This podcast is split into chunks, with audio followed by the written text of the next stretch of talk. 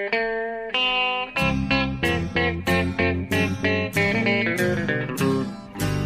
out there, we're on the air. It's hockey night tonight. Tension grows, the whistle blows, and the puck goes down the ice.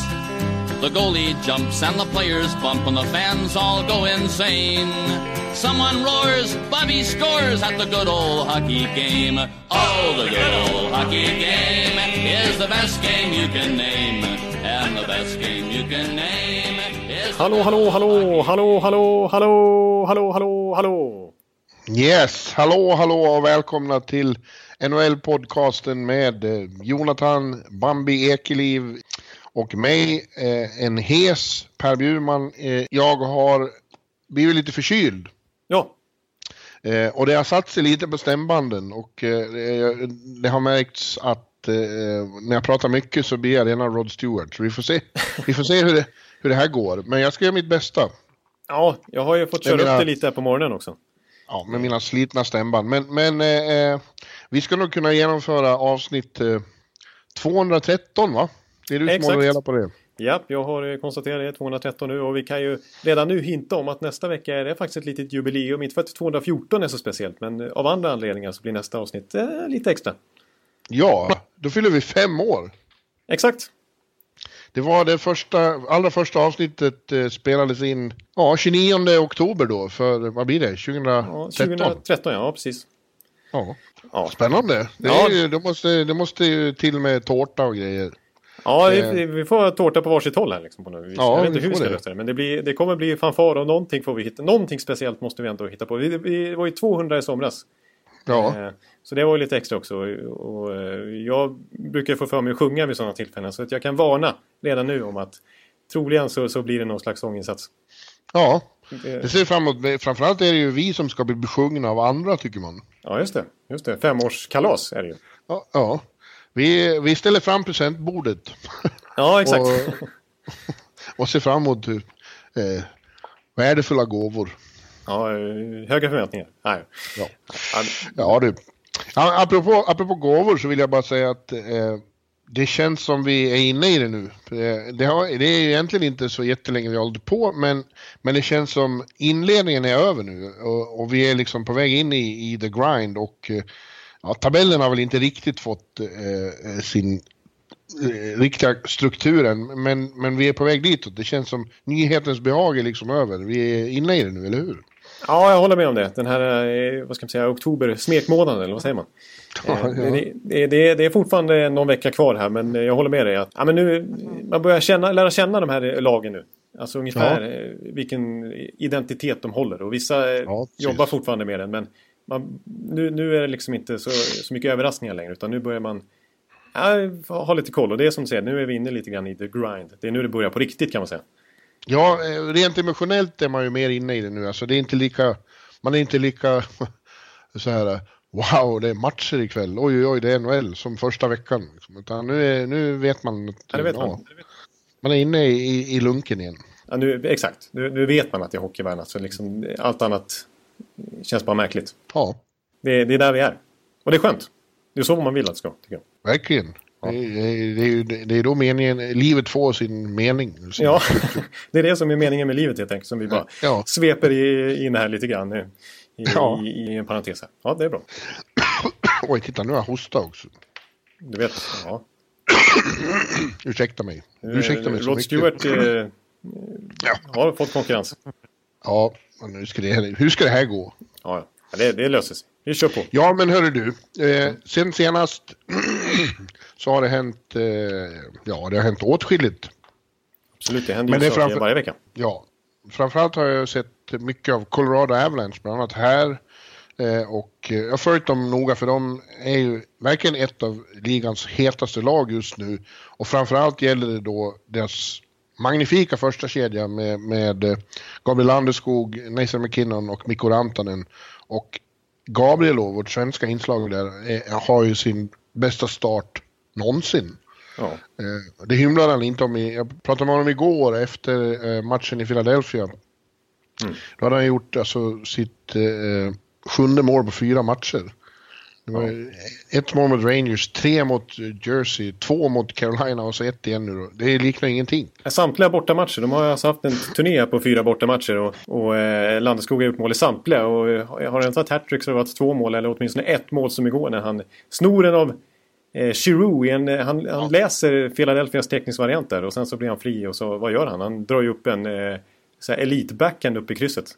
Ja, ja, den var ju fantastisk. Alltså, han, eh, det sa han att de hade kollat Flyers teckningar mycket på video. Mm. Så det där var en inövad variant vad han skulle göra där. Han skulle på stressa G, eh, men så fick han med sig pucken och bara drog. Ja precis, för man, man såg det verkligen att Landeskog var beredd på exakt vad som skulle hända. För annars, eh, teckningar, pucken kan ju studsa lite hit och dit. Men det kändes som att Landeskog redan hade, var mentalt inställd på att sticka åt Giroux håll. Och ja. Det var därför det blev så. Och Giroux var inte alls beredd på att en motståndare skulle vara med på det. Nej. Att, eh, ja, ja eh, det är ju eh, ändå anmärkning. Alltså det har ju varit en lång bortaresa. De har tagit sju av åtta poäng. Och eh, de ser riktigt bra ut tycker jag, Colorado. Ja, jag håller... Ja, jag håller med till ja, både och. Nej, men jag, jag håller med att de, de, ser ju bra ut. Och framförallt den här första kedjan är ju... Menar, förra veckan pratade vi om, om de bästa kedjorna i NHL. Och, och... Ursäkta, vänta, vänta, får jag bara hosta till en gång? Ja.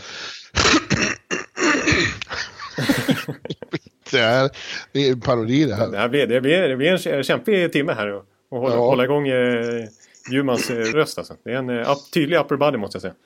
Ja, men jag har ju, som du sa, jag har precis gått, gått upp också. Ja, det är två grejer som stör kan man säga. Ja. Nyvaken och så dels förkylning. Ja, Stackars men... människor som ska behöva lyssna på det.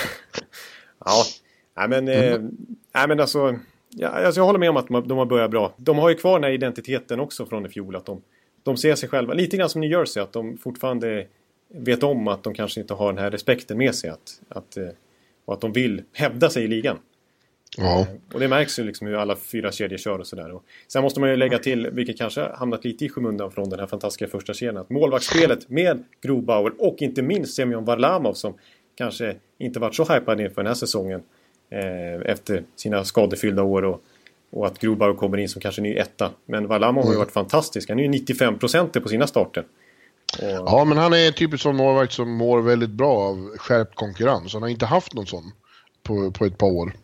Eh, nu har han en riktigt bra backup som utmanar honom om första Det tror jag är väldigt nyttigt för honom. Ja, exakt. För Groba har ju varit... Han har ju stulit ett par matcher han också. I alla fall en där mot Carolina var ju han. Ja.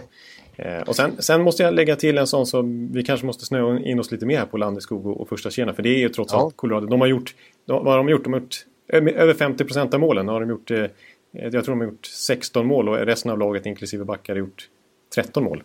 Ja. Så att de är ju jätteviktiga. Men en sån som Carl Söderberg till exempel.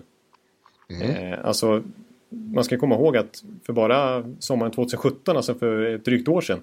Då var, ju han, eh, då var det ju utköpsrykten på honom. Han var fansens hackkyckling och han hade varit i VM för Sverige där de vann guld. Men han var ju 13 forward och petade i slutet och tappade sin plats i hierarkin ju längre turneringen gick. Och han var slut ja. inom situationstecken kan man säga. Men, eh... Ja, för, första matchen i fjol var väl här på Garden och då var han ju scratchad. Och det var en liten grej. Ja, exakt. Och han tjänar ändå rätt bra. Och just av den anledningen har han varit extra kritiserad. Då. Men nu är han ju faktiskt tillbaka som en av lagets nyckelspelare bakom den här första kedjan. Vi var ju inne i vår preview-podd av Colorado så konstaterade vi att han har mest istid i, i, i boxplay till exempel i laget. Han hade, förra säsongen hade han mest istid tror jag i boxplay av samtliga spelare, även backar inräknade.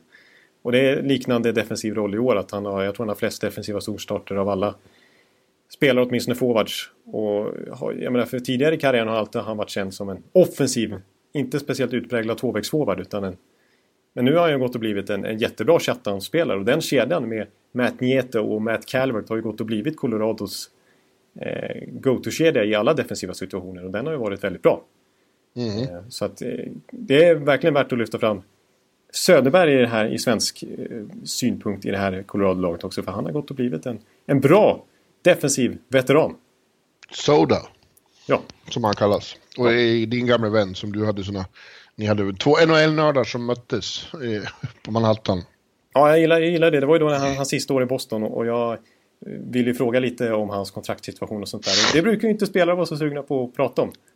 Tvärtom. Men han eh, stod ju och svarade. Ja visst, jag vet att mitt marknadsvärde är väl högre hög, eh, högre än vad Boston kan erbjuda. Så att det är klart att jag kikar lite sådär. Så att han var väldigt öppen med det. Och det var kul, tycker jag. Mm, mm, mm. Exakt. Ja, men fortfarande, vi, vi kommer tillbaks till, det är första kedjan som driver det här. De är extremt bra. Ja. Eh, det, just nu, ja vi har ju den i Boston också då som, som är väldigt, men, men Colorado är ännu mer beroende av, av, av sin topptrojka här med, Ja. med Landy. Och eh, de är så bra så att jag börjar ju spekulera i helgen om att, eh, det, att det ska bli eh, Landeskog som till slut slår Håkan Loobs gamla svenska rekord i NHL-mål på en säsong. Det är bara Håkan som har nått eh, 50 mål en gång Ja. med Calgary på 80-talet.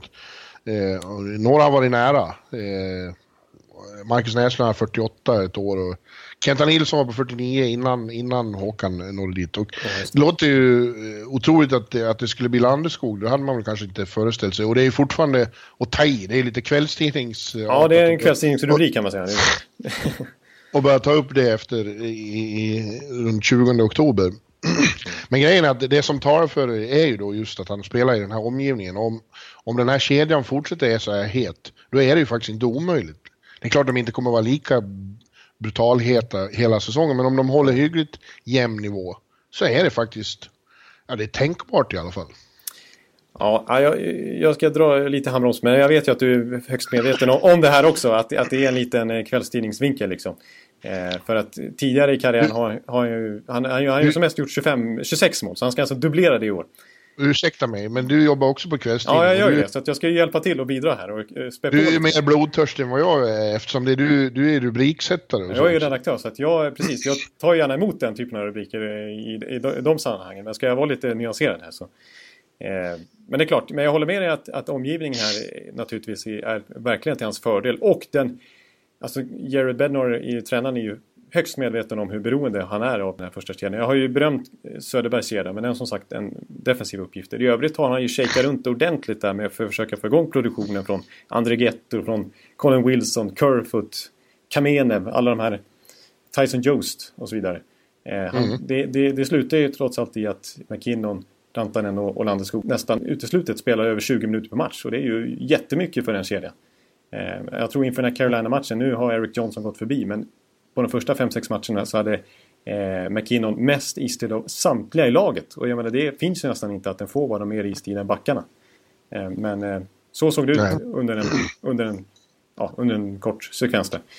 Eh, så att, eh, men det talar ju till sin tur för, för, för Landeskog då att, eh, att han får så extremt mycket speltid och att han spelar med just stekheta medspelare. För vi ska komma ihåg, Rantanen berömde även förra veckan men han ser ut att ta ytterligare ett kliv i år. Ja. Så att, eh, ja, 40 mål. Alltså, han har aldrig passerat 30 målsgränsen men ja, jag, jag skulle kunna dra till med 40 mål. Ja, ja. Det, det är ju också så att det krävs, för att komma upp i, i de där nivåerna så krävs ju så enorm jämnhet. Alltså man får nästan inte ha några svackor alls.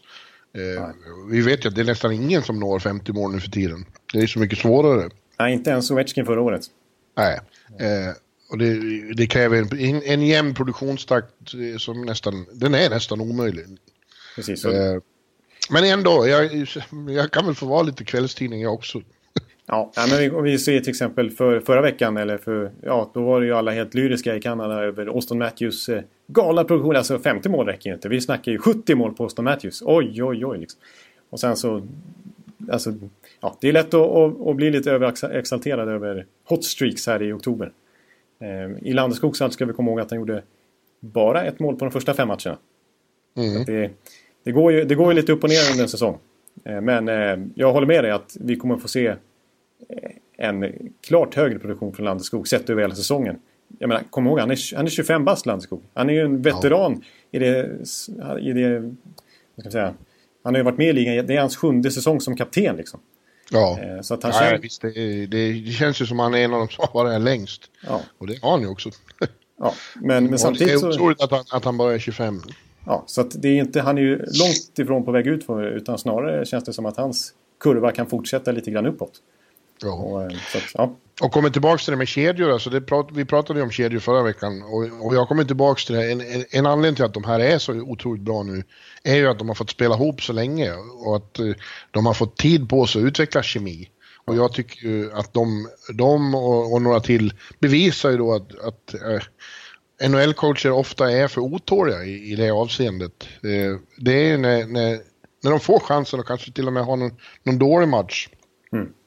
Men ändå får fortsätta ihop, det är då, det är då kedjor blir bra. Men, men sådana här Tortorella och sådana, de, de är ju så otåliga så de, de stuvar ju om, vad skrev jag här idag, de stuvar om som hamnarbetare i Göteborg som har fått tag i en container som har ramlat upp och ner.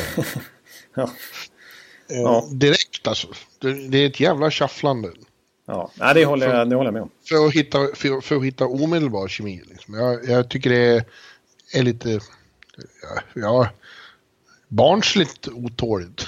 Det är topp ett åtgärd från nästan samtliga tränare om det går lite snett. Det räcker med två matcher, två förluster så är det ju hela kedjehierarkin omstuvad i princip på vissa håll.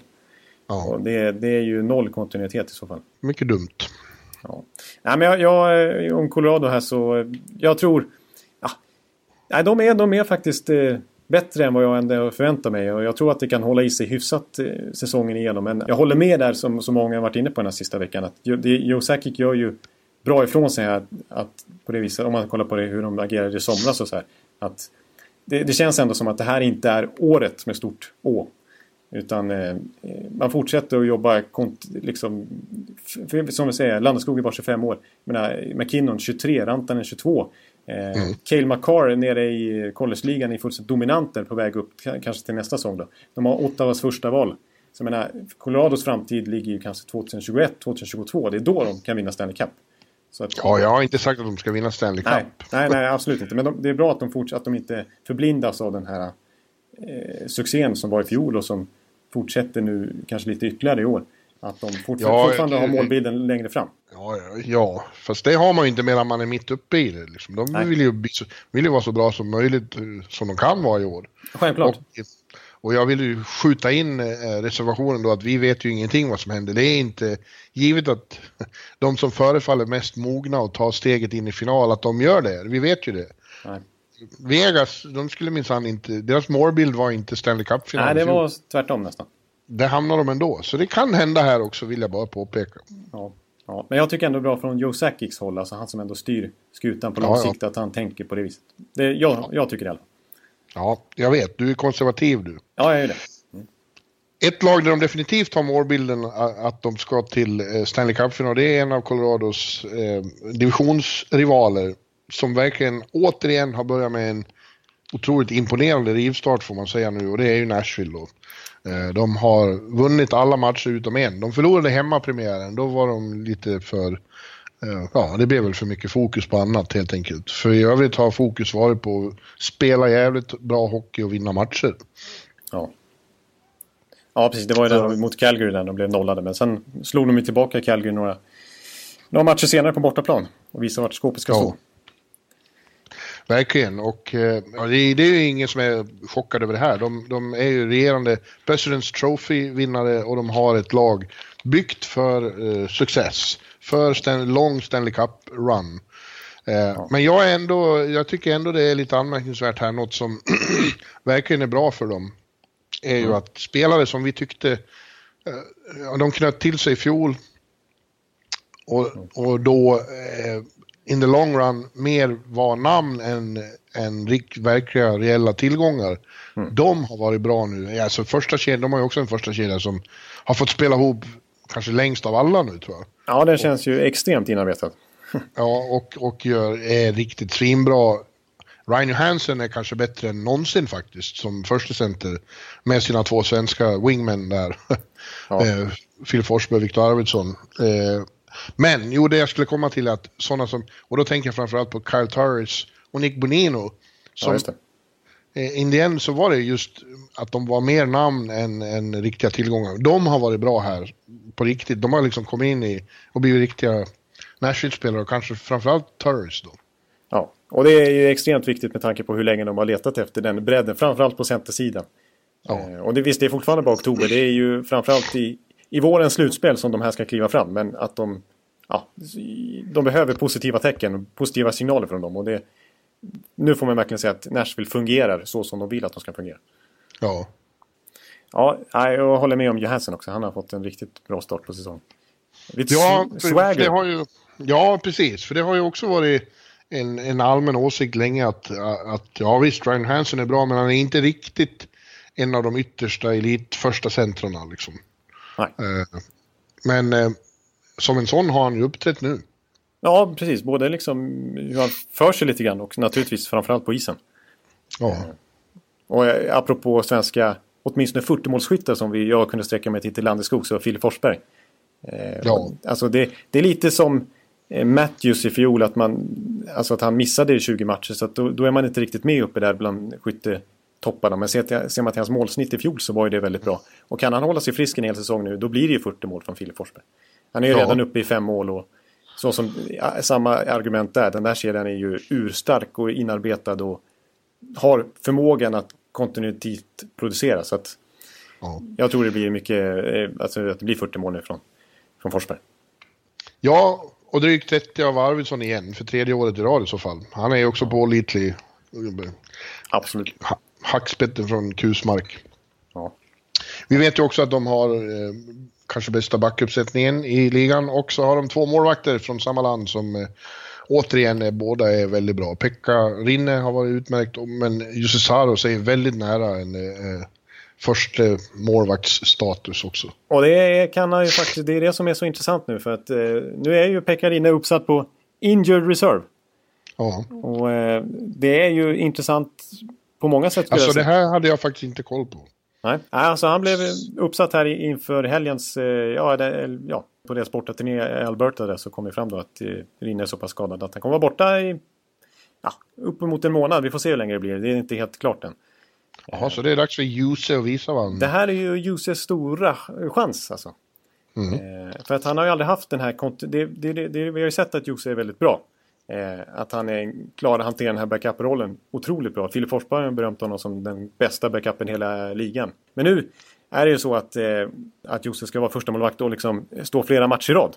Och då blir det mm. intressant hur han hanterar det. Och även på lång sikt alltså. För här kollar, kollar man lite på kontraktsstrukturen också. Att Pekka är ju trots allt vad är han, 36 år? 37, 36?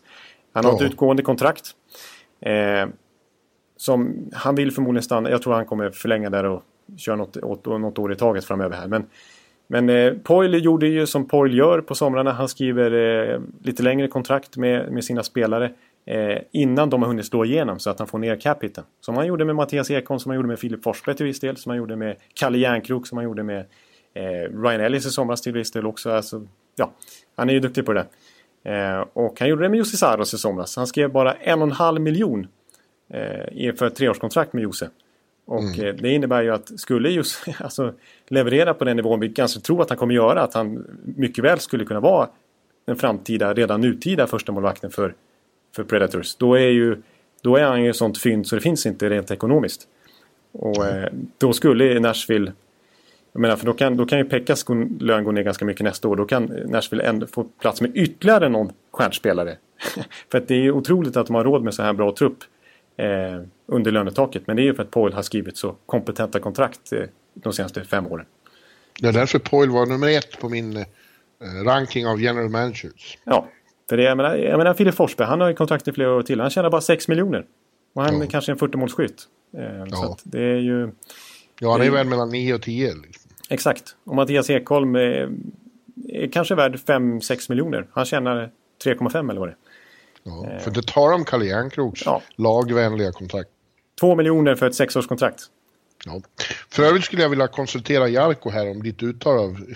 Ja, det var uselt. Uttal av Jussi Saros. Vi, Jarko, hur, lär oss hur man säger ja, ska, ska jag chansa så tror jag att det är Jose. För att eh, U ska ju vara O på finska. Ja. Och så är det ett långt... Men nu är det två U. Ja, men jag tror att det, då blir det Jose. Och jag sa Jose. Jose. Uselt. Men... Eh, Jose. Ja, Jose. Jose. Ja. Asaros. Ja. Ja. Eh, nu kommer jag av mig. Det var något annat jag skulle säga. Jo, jag har gjort en liten kvällstidnings... Eh, krok på dem också. Jag skrev i, i, i veckans lista i bloggen igår att jag tror att de, de är etta i sammanlagda tabellen nu. Jag tror Nashville kommer att vara etta resten av säsongen. Det är ett statement. Oh, det är ett statement. Det, det är en massa bold statements här. Så du är ju Riktig gammal kvällstidningsform här. Det är nästan så att Ja. du sitter här, i- att det är 90-talet igen och du sitter här och murvlar på relationen. Ja, men jag hävdade ju förra säsongen att jag tror att de ska gå till final och vinna alltihopa. Ja, just det. Eh, så då står jag fast vid det.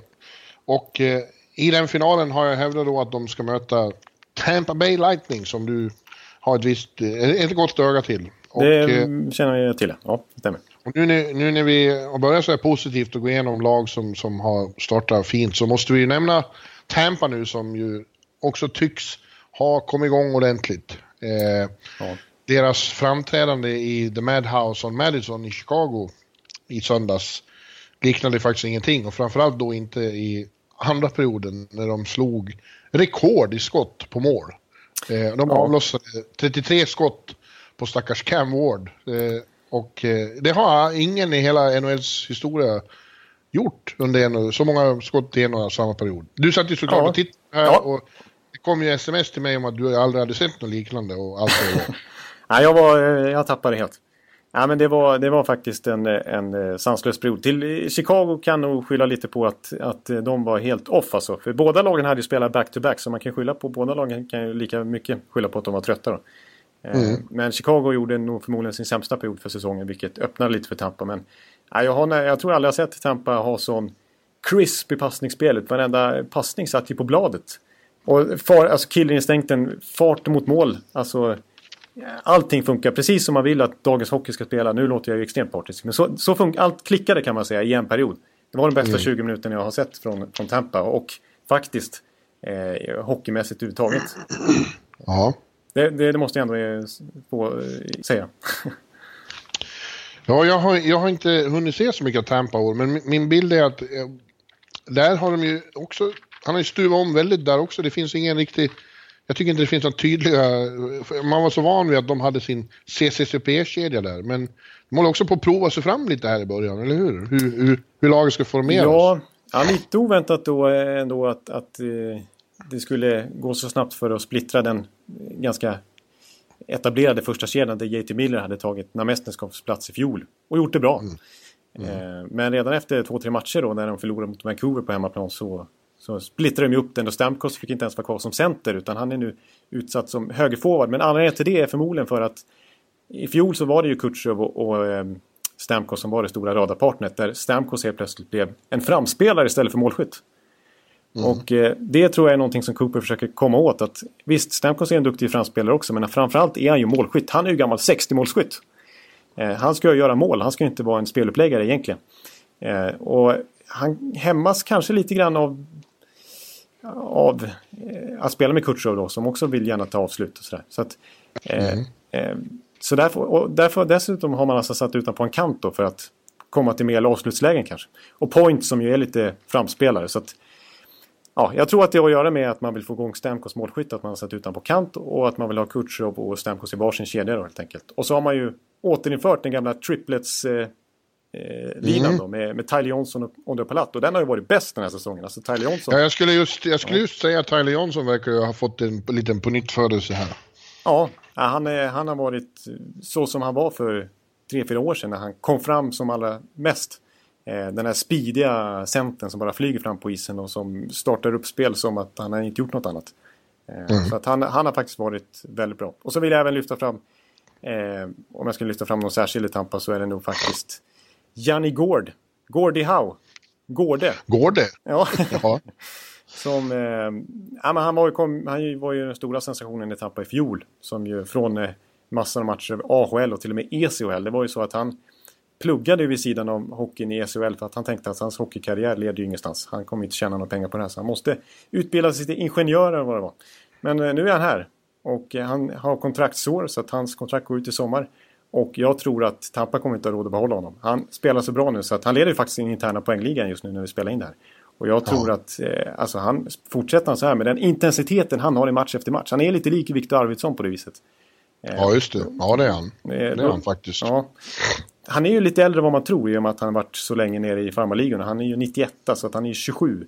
Och när, när nästa kontrakt börjar gälla då är han 28 typ. Så att, ja, man, eh, kanske lite läskigt att skriva ett så här 7-8 års kontrakt med honom. Men jag tror att eh, han kommer, hans marknadsvärde kommer sticka iväg så att Tampa inte har råd med honom. Och jag måste ändå rekommendera andra klubbar att lägga, lägga vantarna på den här Janne Gård. Alltså, för det är en Viktor Arvidsson-kopia. Han har en ruggig intensitet i allt han gör. Och så är han spelskicklig så att han bara lyfts upp av att lira med spelare som Stamkos och Point som han gör just nu. Och de älskar att spela med honom för det är en motor som bara driver hela tiden. Så att mm. Janne Gård har varit den största positiva överraskningen måste jag ändå säga. Eh, I början av säsongen för Tampa.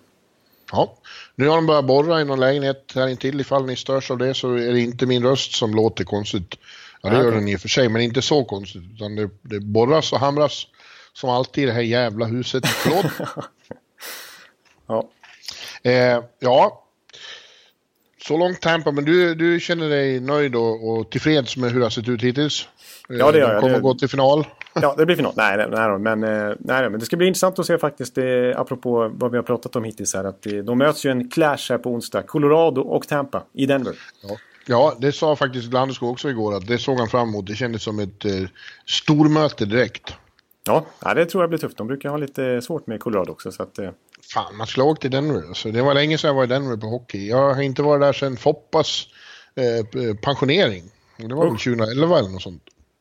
Ja, det är, det är ett bra tag sedan. Då var har till och med jag varit där nyligen, mer nyligt. Jag var ju där 2016. Ja, ja. ja det är dags att, att åka till Pepsi Center i år. Det, det har jag nästan lovat en, deras lagkapten. ja, det tycker jag ska. Mm. Du, eh, det här nämnde vi inte när vi eh, gjorde vårt lilla, lilla eh, väldigt som vanligt ganska lös, lösa eh, körschema. Det är väldigt löst i konturerna jämt. Ja. ja. Vi är väldigt spontana i den här podcasten. Ja, vi kör eh, lite från höften faktiskt. Ja, Washington eh, har också börjat, som regerande mästare, börjat väldigt bra vid den här baksmällan vi, vi trodde på har inte visat sig särskilt mycket inte. Eh, och igår, eller i natt snarare, det är därför jag är lite, morgon, det tog tid att få tag i Niklas Bäckström efter eh, segern i Vancouver. Just det. Eh, där de då vann med 5-2 och Niklas just nådde milstolpen 600 assist. Ja. Eh, och det måste ju bara nämnas. Gratuleras från podcasten. Det är en väldig bedrift. Ja, det är faktiskt större än att podden firar fem år nästa vecka. Det får vi ändå erkänna. ja. Eh, det är faktiskt, han är, bara, han är den enda aktiva svensk i NHL som eh, har nått 600 assist. Ja. Och eh, han är blott den nionde i historien efter, vilka var det nu? Det är Lidas, eh, Lidas, eh, Sundin, Foppa, eh, det var Börje Salming, Alfie, Börje Salming, Zäta, bröderna Sedin. Ja, Henrik Sedin är tvåa på den här listan. Lidas etta med 800 någonting. Eh, så det är ju verkligen eh, eh, anmärkningsvärt. Och, jag är inte klar än, som han själv faktiskt eh, uttryckte det igår lite. Nej, men, ja, ja, ja, Han brukar ju vara försiktig i sina kommentarer, men, men eh, ja, helt riktigt. Han har många år kvar, Beckis. Ja, det verkar så. Alltså. Det är lite så han eh, har varit eh, senaste året kan man väl ändå säga i intervjuer han har gjort. Jag, tycker, jag menar, jag gjorde en intervju med honom i fjol. Jag gör ju sällan intervjuer med NHL-spelare. Men då sa han att... Då påtalade jag att han nu har passerat 30-årsgränsen här. Och då sa han bara, ah, men jag, det, jag går in i min prime. Ja, det, det känns jag också. Jag tänk, tänkte just säga det. Det känns inte som Beckis har blivit äldre utan, och liksom börjat tappa någonting. Utan tvärtom. Mm. Han är fortfarande en sån som blir bättre. Ja, exakt. Och han är ju så här, han är ju inte den moderna spelartypen på det viset att han flyger fram på isen som en Conor McDavid. Utan han... Nej, det har han ju aldrig gjort. Nej. Det är inte så att han, att han kommer att förlora ett, ett steg liksom. Nej, precis. Utan det blir lite som Joe Thornton, tänker jag, som har varit otroligt bra upp i åldrarna. Han har heller aldrig varit beroende av sin speed. Eh, men Nej, har man den extrema, alltså, eh, vad säger man, split vision som, som Beckis har. Ja. Då kan man leva på den utan att ha farten. Och det ja. märks ju jättetydligt även i dagens NHL att, att Beckis klarar sig utmärkt och till och med fortsätter att briljera. Ja, vad var det min eh, gamla läsare Johan Forslund skrev på, på Twitter igår? Eh, eh, eh, väldigt ovanlig spelartyp som, som kontrollerar tempot på isen. Ja, det tycker jag ändå man kan säga att han gör. Ja. Eh, och det är ju en fantastisk egenskap.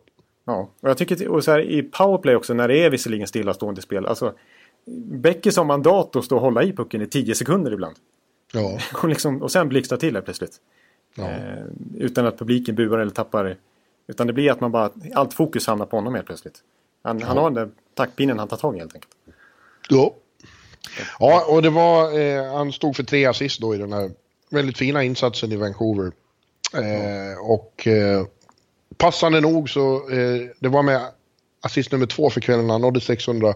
Och passande nog gick ju den till Ovechkin då i vänstra cirkeln Ja. och pa, pang bakom Anders Nilsson. Och det passar för de flesta av de där 600 assisten har ju gått till just honom. Ja, precis.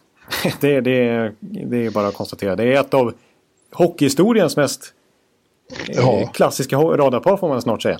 Ja, Eh, När de två lägger av så måste de ju placeras där uppe. Ja. Ja, Ovechkin måste vi ändå nämna också. Alltså, som ändå, vi trodde att han skulle vara bakfull fram till december. Men han, det borde han ju vara. Liksom. Och han borde ha skadat sig så som han utsatte sin kropp för i alla möjliga sammanhang där. Och, men i somras. Men eh, han är uppe på åtta mål också, precis som Landeskog. Jag menar, han är rätt het han också. ja. Att, eh, pratar vi eh, eventuella 50-målsskyttar då får vi slänga upp han där igen. Eh, han är inte beredd att lämna över sin kungakrona som eh, bäste, bäste skytt i NHL än. Nej, verkligen inte. Du, nu när vi ändå är så positiva och går igenom bra saker innan vi blir lite mer sura. Ja, Så kan vi väl också nämna två kanadensiska lag som så far eh, överträffar förväntningarna. Och det ena är Montreal och det andra är mer chockartat, det är ju Ottawa då. Som faktiskt eh, hänger med. Fortfarande har gjort det helt okej. Eh, och- men innan vi blir för positiva vill jag bara säga att ja, ja. ja, ja. Faktiskt. Eh, Montreal tycker jag i och för sig har... har eh, det är lite spännande med deras unga killar, framförallt de här finländarna och så. Eh, ja jag tycker mycket i Montreal är, är spännande så som de så uppenbart har bytt identitet med eh, ett manskap i styrelserummet och på tränarbänken som inte känns kompat- kompatibla med den här typen av hockey egentligen. Men, nej. Nej, och de är faktiskt bara två poäng bakom eh, det väldigt mer håsade eh, rivalklubben från Toronto. ja, du ser. Mm. Eh, men även Ottawa, då, fast Ottawa det känns som, eh, ja... eh, Man får nästan be fan, fansen om ursäkt för att man är så negativ om dem hela tiden. Men, men eh, det här är ju bara en oktobergrej. Det måste, det är jag helt övertygad om.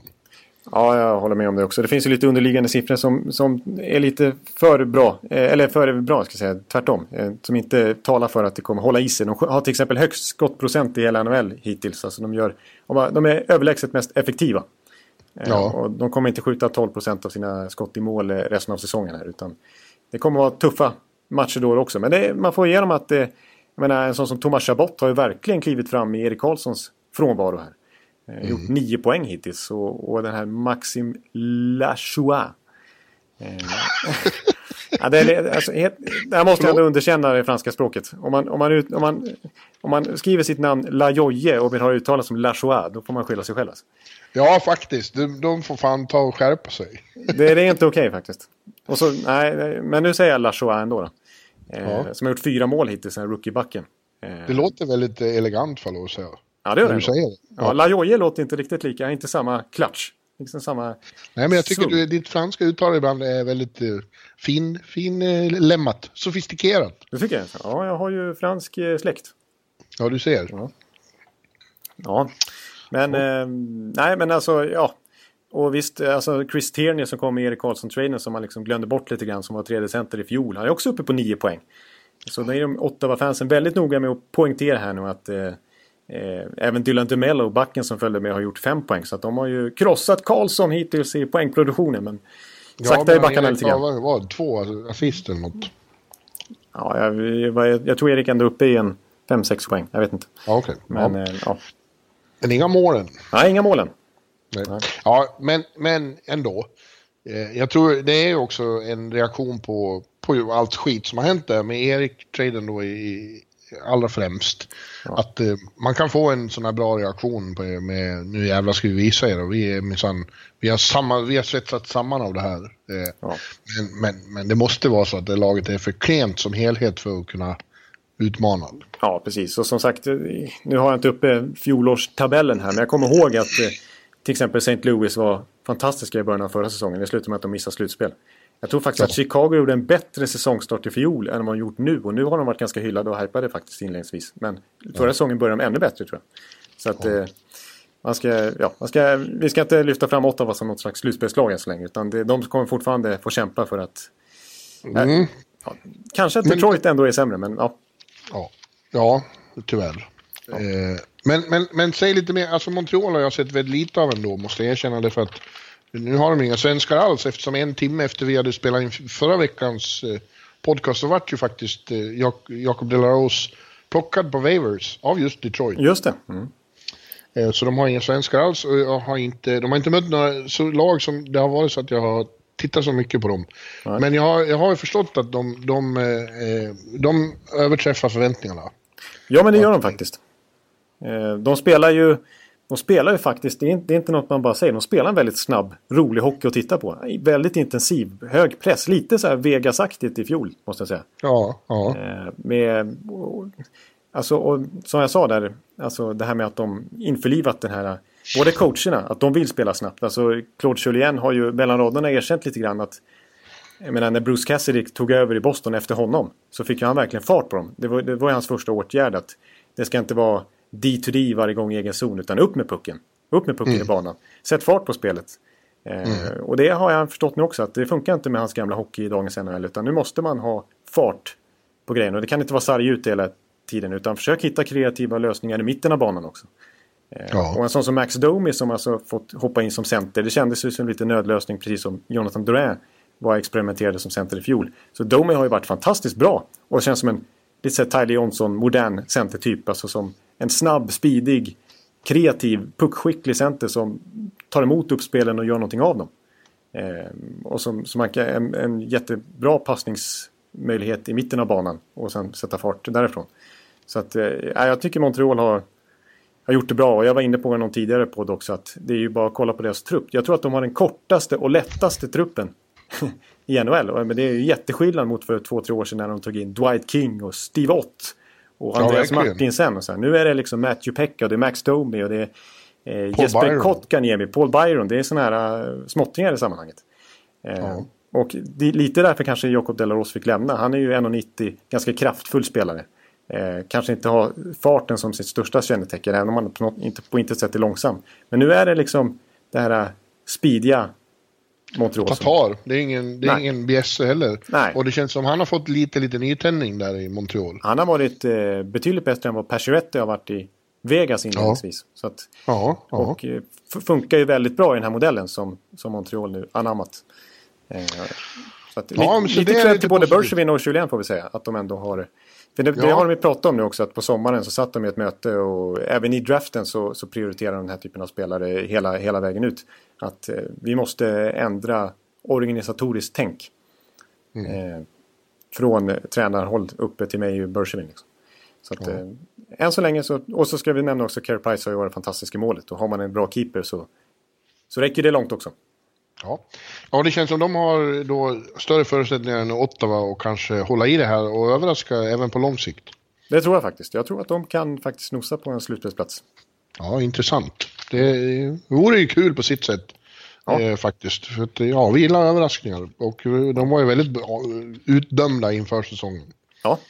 Nej, de har slagit lite oss på...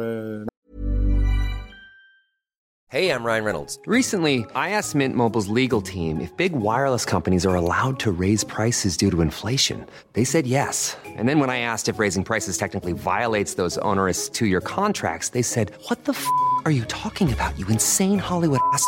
So to recap, we're cutting the price of Mint Unlimited from $30 a month to just $15 a month. Give it a try at mintmobile.com slash switch. $45 up front for three months plus taxes and fees. Promoting for new customers for limited time. Unlimited more than 40 gigabytes per month. Slows. Full terms at mintmobile.com. Ja. Låt oss nu vara lite mer negativa då och prata om ett lag som eh, eh, har överraskat desto mer negativt. Mm. Inte så jättemycket på Bjurman dock, eftersom jag hade mina dubier Ja. Eh, och, och, kan nu luta mig tillbaka och säga vad var det jag sa? Ja, om, var... eh, om Los Angeles Kings är det vi tänker på här då. Därför att eh, det har varit en riktig, riktig skitstart för dem alltså.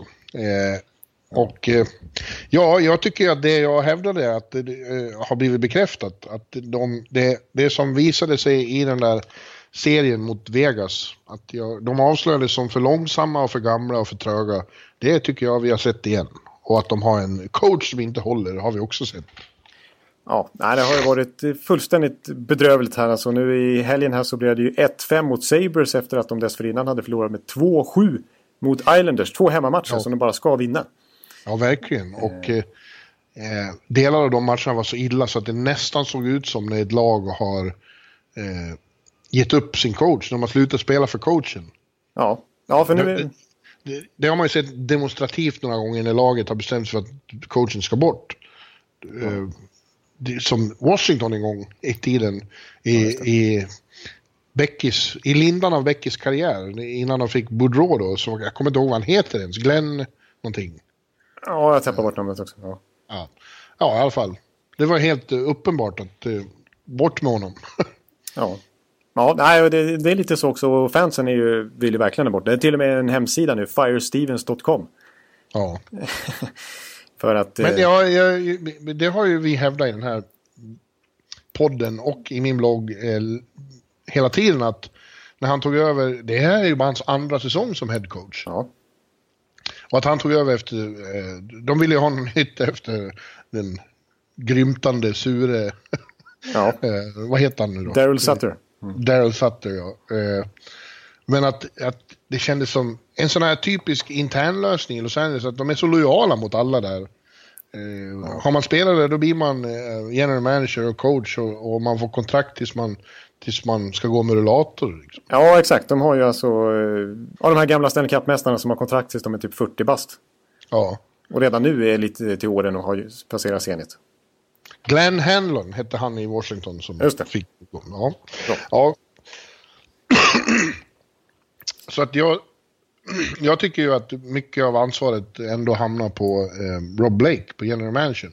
Ja. Eh, för att eh, dels en sån sak, det är han som har anlitat Stevens, som känns som en bra assistant coach, men inte... eh, Han, eh, det var ju inget vidare när han var i Flyers heller. Nej. Alltså han, han har ju varit Och lite... dessutom, Ja. ja, förlåt. Nej, men han har ju varit lite, alltså, lite creddig så här senaste åren att, att många lag har eventuellt kunnat tänka sig honom som ny huvudcoach. Men just han, är- han, är- han är ju lite Sutters förlängda arm. Alltså, Ja. Han är ju lite likadan. Han är butter och bits kan också. På den här firestevens.com-sidan till exempel så, så kommer det upp så här. Vill du se, eh, vill du se eh, try- tryck här så om du vill se Stevens arg. Och så trycker man poff. Och så bara nej, han har aldrig varit arg. Han ser likadan ut hela tiden. Ja, men ändå ju lite- gnällig liksom. Ja, lite gnällig men lite tråkig om man får säga så. Ja, han är profillös, men eh, under Vegas-serien, han satt som alla andra som mötte Vegas och gnällde över att de bara hade tur och vad det var. Ja. Eh, Men igen, jag, jag kommer tillbaka till Blake, för dels är det han som har anställt Stevens, men det är också det är framförallt han som inte eh, vidtog några åtgärder efter det som visade sig i våras då, utan i princip samma lag. Eh, plus en 35-årig ryss Ja. som man inte vet riktigt var han står, får ett treårskontrakt. Ja. Och det känns ju nu inte som något vidare grepp alltså. Covey, Covey har inte varit dålig, men han har inte gjort någonting för att förändra eh, Kings profil. Nej, utan snarare förstärkt just den Ja. långsamma, tröga grejen. Och jag tror att Kings, alltså deras självbild förstärktes ytterligare av i fjol att de ändå gick till slutspel, att det gick bra, eller det gick ju jättedåligt i den här slutspelserien, men att de heter ju Kings dessutom.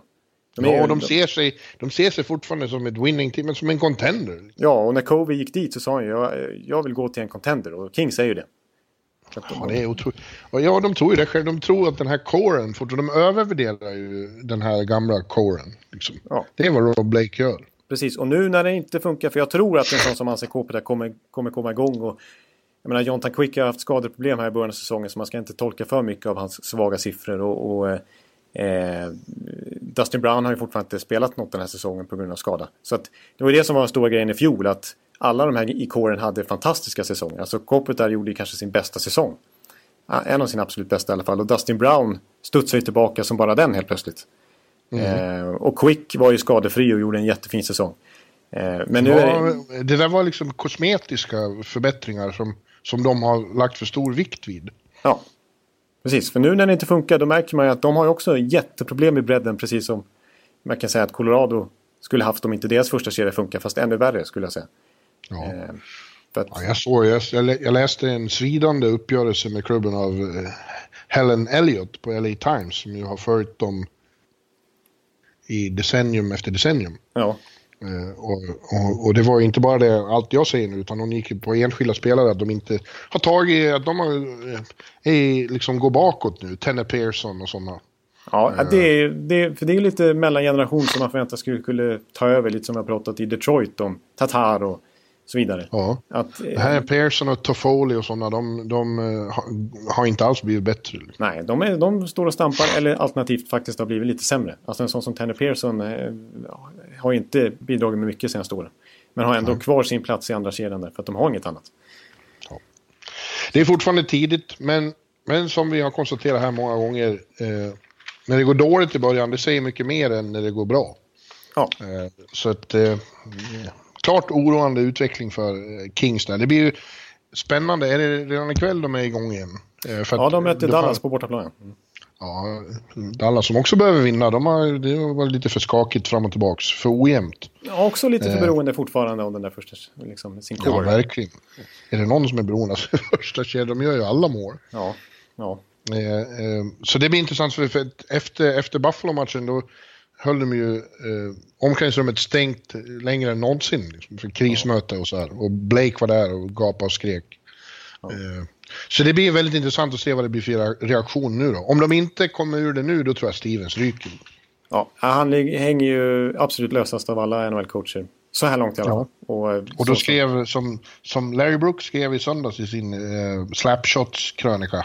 Ja. Eh, ett mycket tänkbart alternativ i så fall är faktiskt Alain Vigneault. För att eh, han ska inte vara med unga spelare, han är ingen som utvecklar unga spelare, men han gillar veteraner. Och är det något det finns i LA så är det fan med veteraner. Ja, apropå färgstark personlighet på presskonferenser och så. Ja. ja, nej, men det känns faktiskt inte som ett... Uh, I och med att de ändå har kvar den här självbilden och... Jag menar, det är svårt att bygga om den här truppen nu när alla sitter på långtidskontrakt. Så de måste försöka rida ut det här på något vis. Men det kommer ju förmodligen bara bli sämre och sämre i och med att alla blir ett år äldre hela tiden. Så, ja, det, de är i en riktigt hopplös situation nästan, tycker jag, Kings. På framförallt sikt och som det redan ser ut just nu. Så, nej. Ja. En intressant eh, synpunkt från din sida då är att eh, det är inte deras granne i Orange County, Anaheim Ducks, inte heller är så mycket hänga i julgranen fast det har gått eh, oväntat bra för deras del ju. De ja. leder ju Pacific och har Ja, de har ja. vunnit mycket. Fem trots, vinster. Eh, trots väldigt mycket skador. Liksom, tidvis har ju både ja, Perry är borta länge, Getzlav har varit borta, Kase har varit borta, Silverberg har varit borta. Ja, de kan ju verkligen skylla på skadeproblem. Det är alla lag som skulle bli av med flera av sina bärande spelare skulle ju ha svårt att prestera på en bra nivå. Men... Ja, men skylla på, de har ju vunnit ändå. Liksom. Ja, precis. Men det har... Men vad, vad, är det du ser som inte har varit bra då? Ja, men om man ser det som har varit bra. Det som har varit bra, det är ju... Om man börjar där så, så får man ju säga att John Gibson har ju varit helt otroligt bra. Ja. Han var ju bra redan förra säsongen och eh, verkligen svarade upp. han avslutade ju säsongen dessförinnan fick han ju massa skit för att han var ju inte bra i Nashville-serien där i slutspelet när de åkte ut och han blev utbytt och hit och dit och släppte in billiga mål. Men eh, förra säsongen var han faktiskt jättebra i grundserien och nu eh, han är ju precis som Varlam om 95 procent hittills. Eh, för att, ja, det säger. Det är en grundserieartist. Ja, det kan vara så. Men, men han har faktiskt varit... Det är han som gör, håller dem flytande som har gett dem de flesta segrarna. Även Ryan Miller har varit ganska bra när han har stått. Eh, men eh, mm. kollar alltså underliggande siffror så är, blir de fullständigt mördade nästan. Alltså de har... De har 40, mördade? Nej men...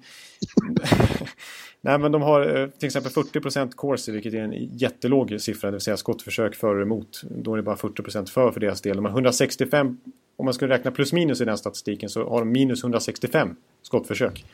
Eh, och de har en PDO då som, som sticker iväg totalt som inte är hållbar på något sätt. Och då, då räknar man PDO, då räknar man alltså ihop, eh, eller man plussar på eh, skottprocenten, alltså effektiviteten, plus sin målvakts räddningsprocent. Och räddningsprocenten mm. har ju varit fantastisk från Gibsons sida och även Millers. Och skottprocenten, effektiviteten, har, har varit otroligt bra också. Den ligger på över 105 just nu.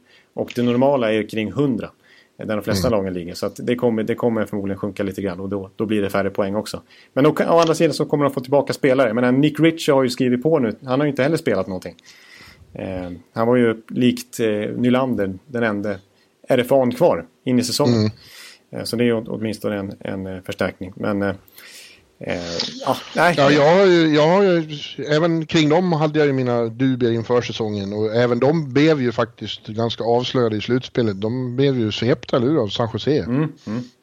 båda, båda LA-lagen svepte direkt. Det, det, var ju talande. Och jag, tycker, jag tror inte på deras coach heller. Jag tror, jag tror Randy Carlisle, även om de nu, eh, vad heter det, under, under, under giljotinen så har de liksom eh, tvingats komma fram till ståndpunkten att vi ska spela modernare och snabbare. Men det är inte hans idé riktigt.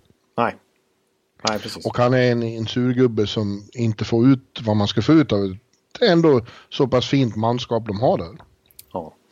Ja, ja jag, jag, ja, jag tror inte så mycket på Dags den här säsongen. Man ska försöka vara lite positiv ändå för det har ju gått bra hittills. Så får de tillbaka liksom sina spelare, eh, Perry slutligen till och med också, eh, då har de ju då, har, då får man ändå säga att vissa spelare som har fått kliva fram här i deras ställe har gjort oväntat bra. Då kan deras bredd plötsligt se ganska trevlig ut. För det är en sån som, nu ska jag köra ett franskt uttal här igen. Max Comtois. Ja, han har varit bra. Har varit väldigt, väldigt bra och gjorde det jättebra på campen. Det var lite en överraskning att han tog en plats faktiskt och har bara varit eh, accentuerat sin, sin eh, succé här under grundseriestarten. Mm. Och även eh, eh, ja, Kiefer Sherwood, Sam Steele och de här som har fått chansen har, har gjort det bra. Eh, mm. Så att eh, kommer liksom Getzleff tillbaka i full form. Han har ändå varit lite borta. Jakob Silverberg tillbaks. Eh, om Ryan Kessler håller sig skadefri. Ja, men... Ja, och backsidan är ju bra och Gibson är ju bra. Så att då kan det ändå bli slutspel. Ja. Läget ser bättre ut än för Kings. Absolut, det gör det definitivt. Men det är ändå en varningsflagg med tanke på hur utspelade de har varit i match efter match. Vi sa 33-6 i skott i Tampa. Anaheim hade alltså en match där en period mot Dallas där det stod 34 i skott. Mm. Så att de har ju verkligen haft eh, problem att ta sig ur egen zon. Ja. Du nämnde Jakob Silverberg där och han eh, eh, kommer att dyka upp här i ett segment som vi tänkte avsluta med idag. Ja. Eh, lite intressant, jag, jag, läste en artikel häromdagen på The Athletic uh, av Craig Custens om att det här rent allmänt är uh, ett av de mer spännande UFA-åren på länge. Eh, därför att eh, de tunga eh, free agent, de flesta free det brukar ju vara så här att när det är de tunga free agents, man vet att de kommer förmodligen att skriva på sina lag igen. Ja. Under säsongens gång om inte annat. Eh, riktigt så är inte känslan med de tyngsta i år. Vi har Erik i San Jose och vi har eh, duon i Columbus framförallt och Panarin och Bobrovski. Just det. Eh, som det kommer att hänga kommer hänga med oss hela säsongen var de kommer hamna. För det är inte alls otroligt att de allihop kommer till nya klubbar. Det är nästan Men, eh, mer troligt skulle jag säga. I alla fall i ja. ryssduon där. Ja. Var, med anledning av det där så börjar jag också tänka på att det är för oss ett osedvanligt, osedvanligt intressant år för det är väldigt många svenska spelare som är eh, på kontraktsår och blir eh, unrestricted free agents efter den här säsongen. Ett ja. helt gäng faktiskt. Ja. Eh, och vi kan börja med just Silverberg då i Anaheim. Eh, han har ju spelat som man gör när man är inne på ett kontrakt så. Det har, eh, från början, redan från början sa det, sades det att ja, Silverberg kan bli en sån som, som Anaheim kommer att ha med i någon trade liksom, om, ja. om, om de hamnar i den situationen och blir säljare. Ja. Eh, det har ju känts som att Jakob vill visa att det, så ska det inte alls bli, utan jag ska vara en av de viktigaste i det här laget. Ja, han trivs nog rätt bra där i, i eh, Kalifornien. Ja, vi tänkte helt enkelt att vi, vi skulle spekulera lite i vad som kan hända med de här svenskarna som... Vi ska säga det, eller hur? Vi går ja. igenom listan och ser vad vi tror. Ja, precis. Nej, men Silverberg är ett intressant fall. Eh, som jag måste ändå säga att totalt sett, eh, om man sammanfattar hans NHL-karriär hittills, sett till mina förväntningar efter att ha sett han fullständigt dominera på det viset som han gjorde likt en Elias Pettersson i fjol. I sin sista SHL-säsong när han eh, slog ju rekord i antal mål. Jag tror Elias Pettersson slog det nu men han gjorde ju 13 mål tror jag med Brynäs när de tog SM-guld 2012. Mm. Var ju, han var ju otroligt hypad här hemma i Sverige. Och man tänkte att det är ju den typen av spelare han är. Att han kommer bli en stor målskytt även i NHL. Men han har inte riktigt klarat av att axla den rollen under sina 5-6 år hittills. Utan det har varit, eh, han har däremot blivit en väldigt pålitlig defensiv tvåvägsspelare som, som producerar runt 40 poäng. Eh, men också är pålitlig och kan möta motståndarens bästa spelare. Ja, det går ju i... i, i han är lite streaky och, och han har ju haft eh, eh också rykte om sig att eh, i slutspel, när det blir viktiga matcher så är han väldigt pålitlig målskytt. Ja. Ja. Han har haft några slutspel med Dags när det har varit riktigt jävla bra. Exakt, när han har typ varit nästan bästa forwarden i laget. I alla fall ja. mest poäng i princip. Ja. Och när han, när han eh, har fått utdelning på, han har ett jävla fint skott, Jakob. Det har han, det går inte att förneka och det syns även i NHL.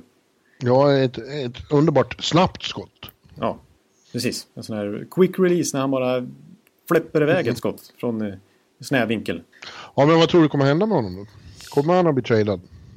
Ja, men det beror... Alltså, jag tror, alltså Anaheim kommer ändå försöka... Jag tror ändå att de försöker rida ut den här Getzlaff Perry-eran genom att hålla sig slagkraftiga. Så att de kommer nog behålla honom så länge de är med i racet i år. Det tror jag.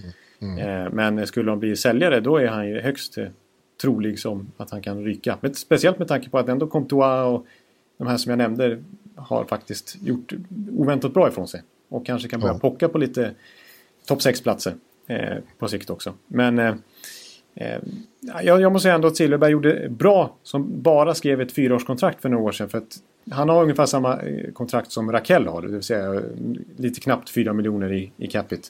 Eh, men Rakell skrev ju ett sexårskontrakt.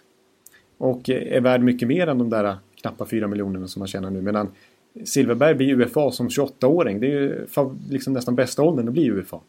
Eh, Så att jag tror han kommer kunna casha in ganska bra här om han fortsätter med det här fina kontraktsåret han har nu. När man brukar vara extra motiverad och kunna producera bra med poäng. Han gjorde, han gjorde ju sju poäng på sina första sex matcher innan han blev skadad.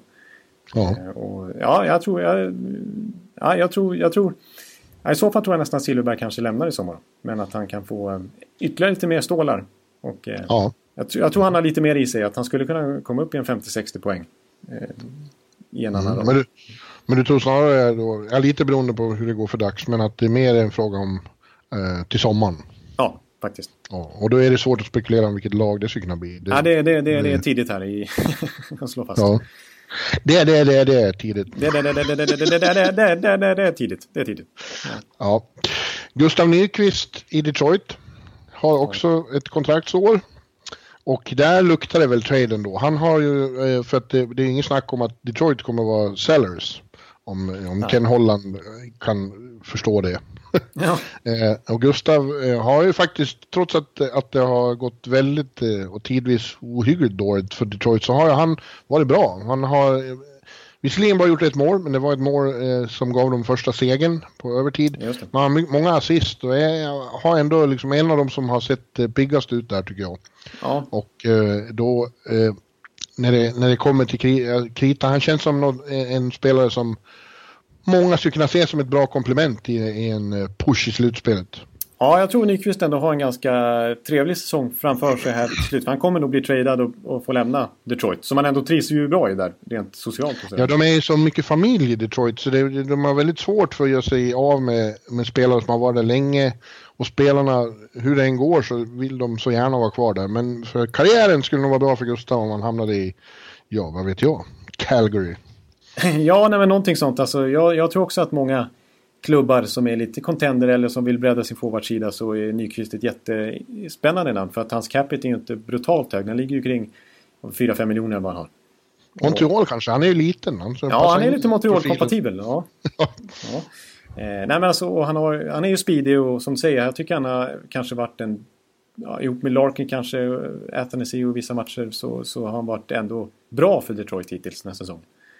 Och, och definitivt en, en spelare man skulle kunna tänka att träda till sig. Eh, så att, eh, ja. Ja, Och sen, ja sen, det, fin- det finns ju hur många alternativ som helst. Det är svårt att se nu. Men när vi kommer till trade deadline och vi vet vilka som kommer att vara. Jag tycker ju väldigt roligt med Gustav. Jag tycker om hästpolo och lillskutt. Eh, och eh, det skulle vara spännande att se. Det är många lag som det skulle vara spännande att se honom i. New Jersey. Ja, jag är också lite New Jersey-mässig måste jag säga. Men jag tror så här i alla fall att han är en pure rental när, han, när de byter till sig Ja. honom. Jag tror att det laget som byter till sig honom har inte nödvändigtvis för avsikt att förlänga kontraktet utan de vill ha en förstärkning för slutspelet. Sen, sen blir han UFA i sommar och får välja ett, ett nytt lag helt enkelt. Ja. Eh, Så tror jag Ja. att det blir fast det. Eh, I samma lag har vi Kronvall men det är inte så mycket att diskutera tror jag. Han, han är på sitt sista år och det är väl helt enkelt sista året. Och han blir kvar i Detroit och spelar klart det. Ja, det är, allt håller för det. Ja. Ja. Eh, ett intressant namn som du kan ha en del att säga om är ju Anton Strålman.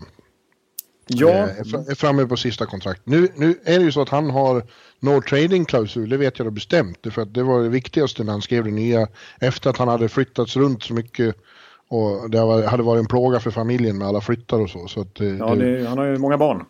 Ja, det viktigaste för honom var att få veta att han skulle vara på samma ställe eh, länge.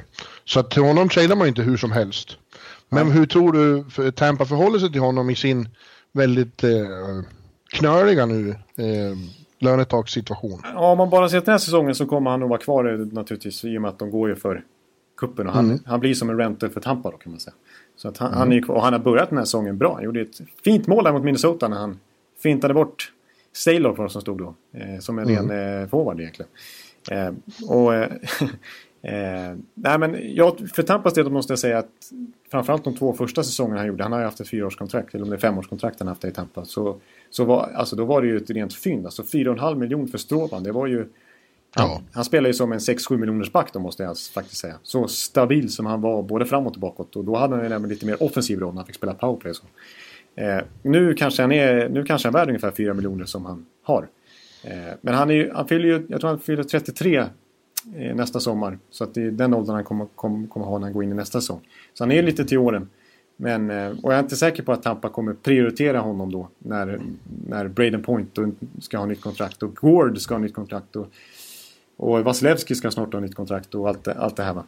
Eh, mm. Men eh, jag tror ändå att Strålmans värde har inte sjunkit så mycket. Utan han kan nog få ett riktigt bra kontrakt till i sin karriär. Men du tror inte nödvändigtvis i Tampa? Tyvärr för Tampas del så tror jag att de inte kommer ha råd att ge honom en marknadsmässig lön. I så fall måste han gå med på en, en paycut som han egentligen mm. inte förtjänar.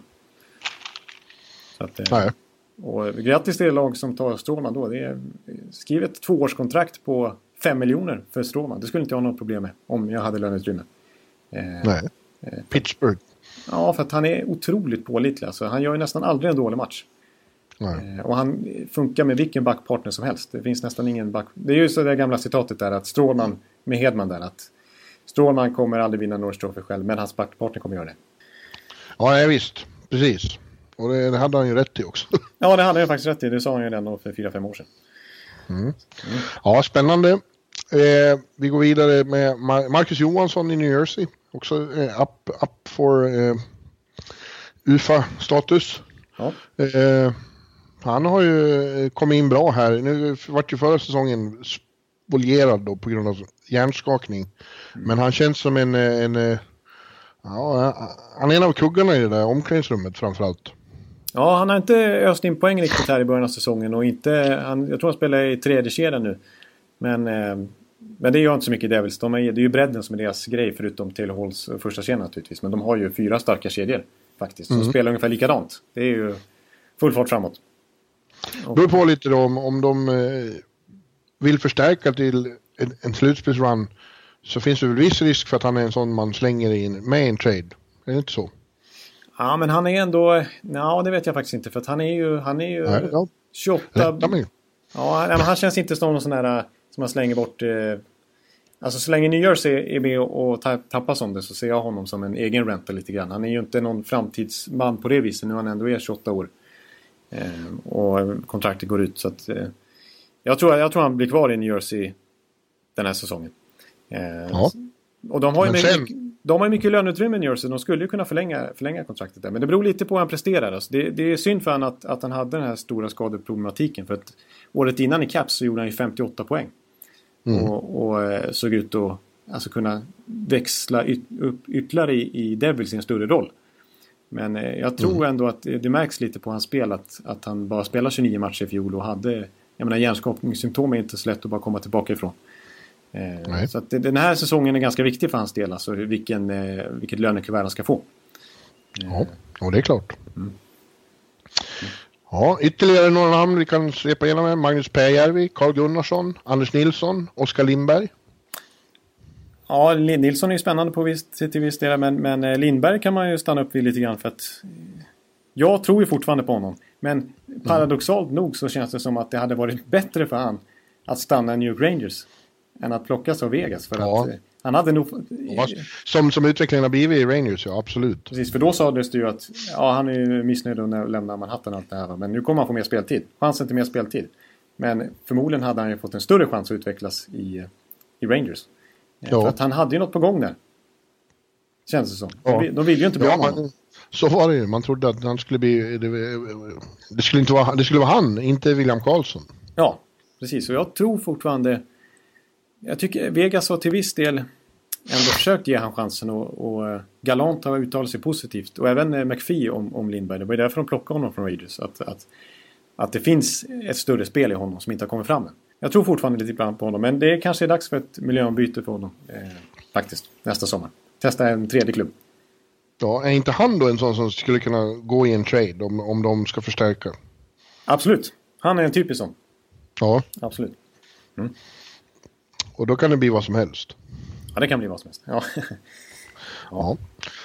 Eh, ja, eh, vi har ju också då eh, Wild Bill himself. Eh, skrev ju bara ett år. Eh, och vi, vi, vi, får se hur, hur, nu har han ju kommit igång här. Det vart såklart mål direkt i andra matchen också. Det, det, får han bara göra mål i sjunde matchen då rullar det på. Ja, men jag har, jag har någonting jag kan säga om, om Wild Bill här. Som visserligen då är RFA. Just det. Så, så han är ju restricted så att det, det, den turen har de ju via. Han kommer inte lämna vad som helst nästa sommar. Men jag tror så här att eh, sett till hur George McPhee har agerat här nu med många av sina kontrakt så har han försökt kopiera David Poyle.